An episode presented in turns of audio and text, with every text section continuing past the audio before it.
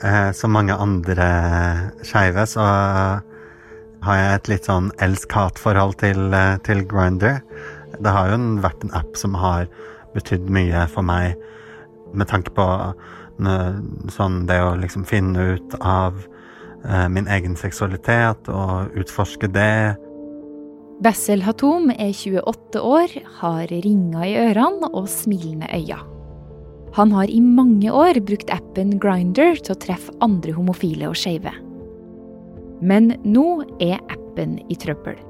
For det norske datatilsynet har varsla at de vil gi Grinder ei bot som svir skikkelig på 100 millioner kroner. Men hva er det appen har gjort galt? Du hører på Forklart fra Aftenposten, og jeg Marit Eriksdatter Gjelland. I dag er det torsdag 28. januar. Jeg begynte å bruke Grinder når jeg var sånn rundt 17-18, eh, og det er vel ja, ti år siden nå. På denne tida så var Bessel fortsatt ikke helt sikker på om han var homofil, og han var redd for at andre skulle finne ut av det. Og jeg hadde en blank profil og uten bilde eller noe særlig med, med informasjon om meg selv, sånn at jeg kunne eh, være trygg på appen, og det hjalp meg veldig å møte andre, andre skeive gjennom Grinder og høre om, om deres historier og og det ga meg um, en følelse om at, uh, om at, jeg ikke var alene, da. Uh, selv om jeg følte meg veldig mye alene uh, i den perioden av livet mitt. Det her var altså i 2010, og Grinder var ganske nytt. Det var faktisk den første datingappen som brukte lokasjonen din til å finne folk nærmest deg. Derfor ble den også kjapt populær. Og i dag er det den største datingappen for skeive. Uh, det er liksom stedet der, der, du, der du, eh, logger deg på for å, for å møte likesinnede. Men i kraft av å være en app for å treffe andre skeive, så har også Grinder tilgang til en god del informasjon om brukerne sine. Ikke bare hvor de er, men også seksualiteten, kjønn og hvordan brukerne ser ut om de har profilbilde. Og det er måten Grinder har behandla noe av denne personlige informasjonen fram til april i fjor, som nå har ført til at Datatilsynet har varsla denne saftige bota på 100 millioner kroner. I norsk målestokk er dette historisk høyt. Datatilsynet har aldri gitt en bot på 100 millioner før. Det tidligere har de gitt eh, bøter på noen millioner. Det høyeste var på 3 millioner til eh, Bergen kommune. Martin Gundersen er journalist i NRK Beta og jobber med teknologinyheter. Sånn at boten de har gitt, den sier de sjøl skal være avskrekkende. Det skal signalisere til andre at hvis de eh, oppfører seg som Grinder har gjort, så vil det kunne føre til konsekvenser og store bøter. Og eh, man håper jo kanskje at dette vil få konsekvenser for andre apper og andre selskaper som da ser seg rundt og tenker at kanskje jeg skal slutte med dette, selv om eh, ikke et går etter akkurat meg. Og da er jo det store spørsmålet hva er det Grinder har gjort, da? Altså Først og fremst så er det det at når du blir en bruker i appen, så har du fått altfor dårlig informasjon om hva du egentlig sier ja til. For det finnes regler. GDPR kalles dem, og sier bl.a. at hvis selskap skal lagre informasjon om det, så må du godta det først. Og det er på dette punktet Datatilsynet mener Grinder har svikta. Lokasjon, altså hvor du er, har blitt delt videre med andre selskaper som driver med markedsføring og reklame. Det er det Datatilsynet sier, at det er ikke greit uten at du er veldig tydelig på hva eh, folk har sagt ja til. For informasjon om hvor du er, kan faktisk si ganske mye om hvem du er. Over tid vil jo det kunne si at det er bare én person som jobber på dette stedet, og som pleier å handle akkurat her, og som, å, og som bor her. Og så kanskje å overnatte hos en eh, kjæreste eller ekskjæreste.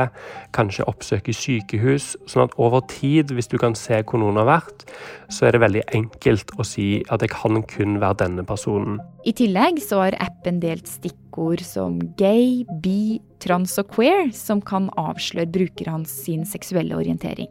Og det er jo en seksuell minoritet, og mange av brukerne er jo ikke helt åpne kanskje om sin seksuelle legning. Eh, og da er det ekstra ille at det blir delt videre, kanskje òg uten at de er klar over det i det hele tatt.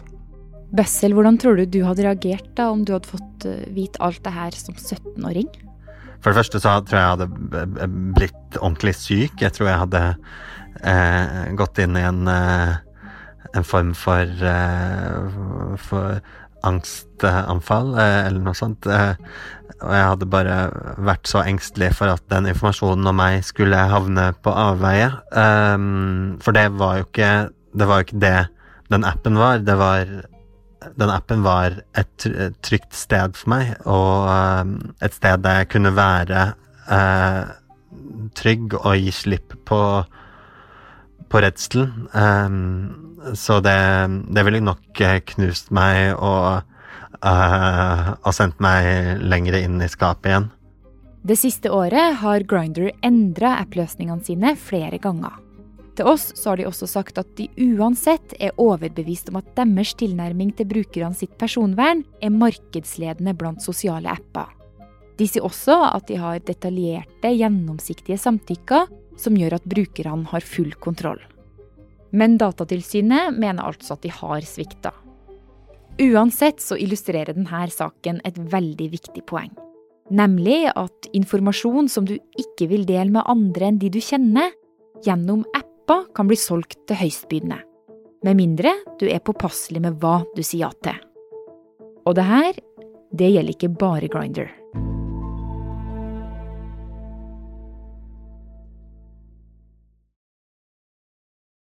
Skal vi se hva jeg har her, da. Mm, Aftenposten-appen, selvfølgelig. Og Snapchat. Skal vi se hva det er her, da. Uh, ja, Clash Royale. Det er vel en eller annen spill jeg lasta ned en gang. GVB. Det må være en uh, transportapp fra et eller annet utland jeg har vært i. Jeg er nok ikke den eneste som ikke har helt oversikt over appene mine og hva jeg gikk med på da jeg lasta dem ned, og kanskje heller ikke bryr meg nok til å sjekke det. Og det kan være et problem. Det er veldig vanlig at vi ikke vet hva vi sier ja til når vi installerer eh, mobilapper. Og noen apper de får tilgang til veldig mye data med oss. Tenk deg værappen eller parkeringsappen. Den eh, spør ofte om å få vite hvor er du, og så svarer du ja, for du vil jo vite hvor været er akkurat hvor du er. Eh, og da kan det være at den deler det videre med eh, selskaper som lever av disse dataene. Eh, vi ser ofte i mobilmarkedet at det er ganske lite oversikt. Eh, det er mange små og store apper. Det er vanskelig å vite akkurat hva de gjør.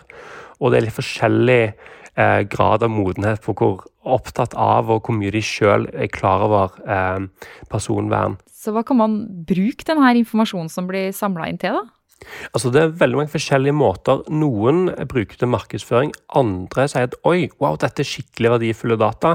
Kan vi bruke det til å se hvordan folk reiser rundt i byer, så vi kan gjøre byplanlegging bedre? Eller kan folk som jobber med eiendomsutvikling, kjøpe disse dataene?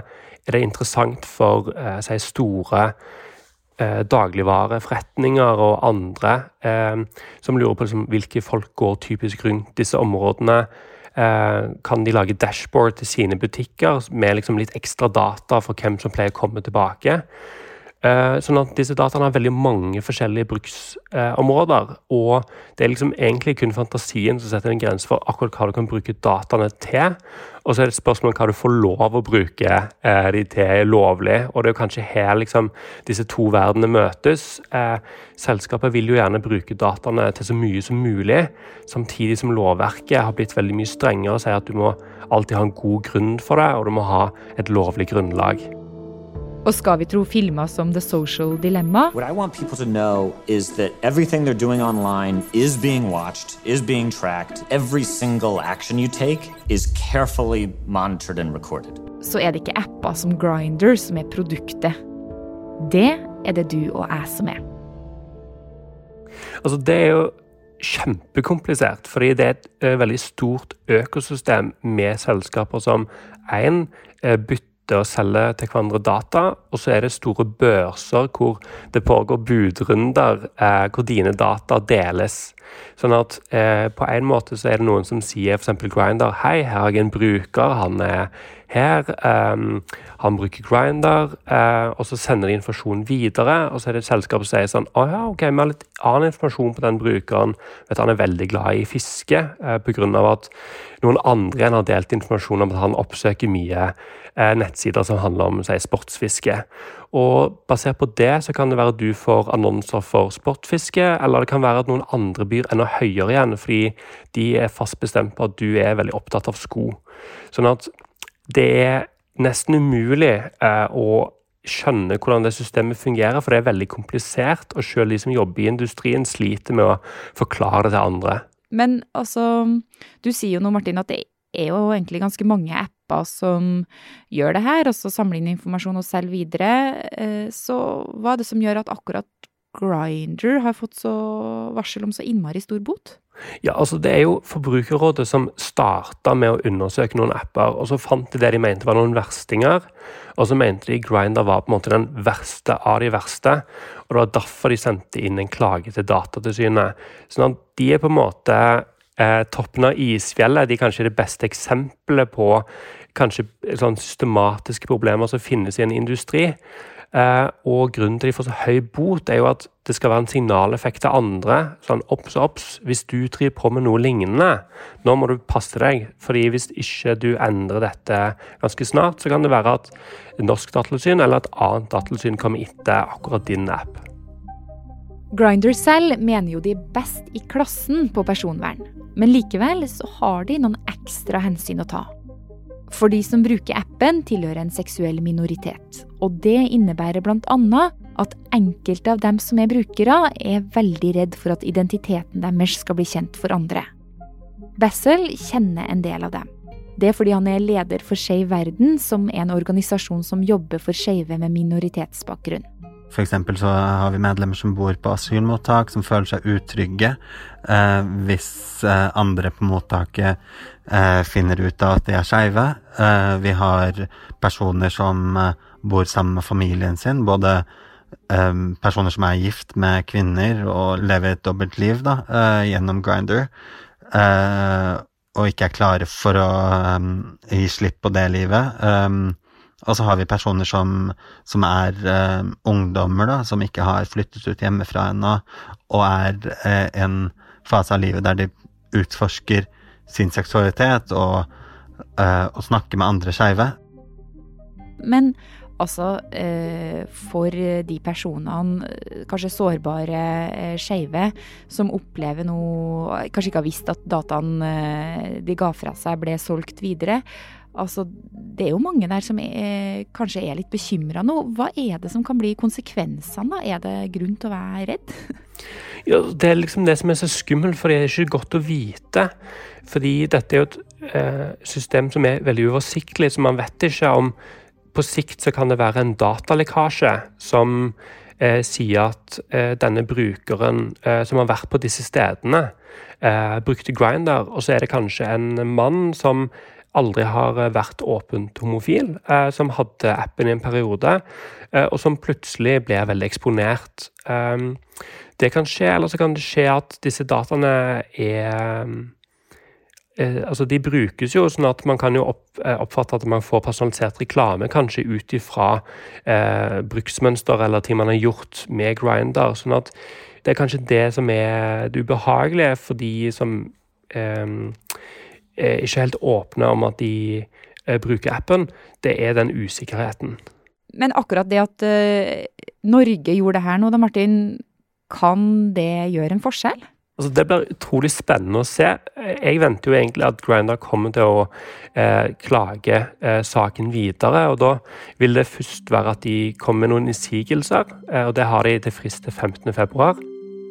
Grinder sier de nå går gjennom varselet om bot før de bestemmer seg om de vil ta saken videre i det norske rettssystemet eller ikke. Samtidig sier de at de fortsetter å forbedre sin personvernpraksis i lys av endringer i de europeiske reglene for personvern. Det er definitivt veldig spennende hva som skjer videre, fordi for Grinders er mye på spill. 100 millioner er ikke småpenger for selskapet, for det er tross alt en tredjedel av overskuddet de hadde i fjor. Men Martin, når vi snakker om det her nå, så høres det jo nesten ut som det ikke er noe ordentlig kontroll på det her. Altså, er det det? Altså, hvordan jobbes det med å få oversikt uh, over alle de her appene og informasjonen som blir solgt? Det er sånn stykkevis eh, lappeteppe hvor det er veldig mye som er usikkert om det egentlig er lov i eh, personvernlovene. Og så begynner man nå på en måte å si akkurat det er ikke lov, det er lov. Hvis du gjør det, så venter du en millionbot eller milliardbot. Eh, hvis du gjør det, så venter kanskje en mindre bot, men nå er vi sikre på at dette er ulovlig. Sånn at dette er noe som har tatt tid. Eh, personvernloven kom i 2018. Og Det er kanskje først de siste årene man har begynt å se på en måte eh, dommer eh, som begynner å tydeligere si dette er lov og ikke. Det har tatt lang tid å komme til der vi er i dag.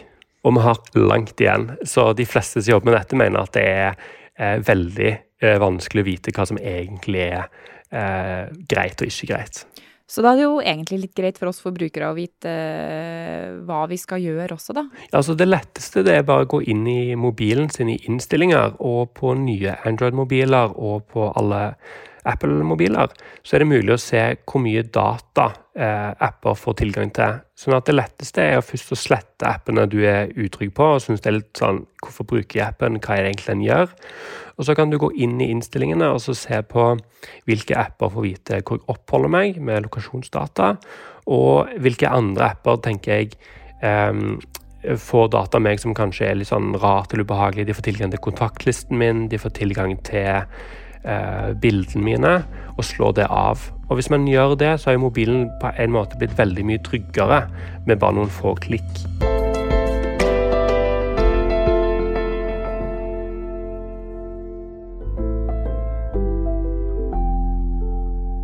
Denne episoden var laga av produsent David Vekoni og meg, Marit Eriksdatter Gjelland. Resten av Forklart er Anne Lindholm, Ina Swann og Caroline Fossland. Du har hørt lyd fra Netflix.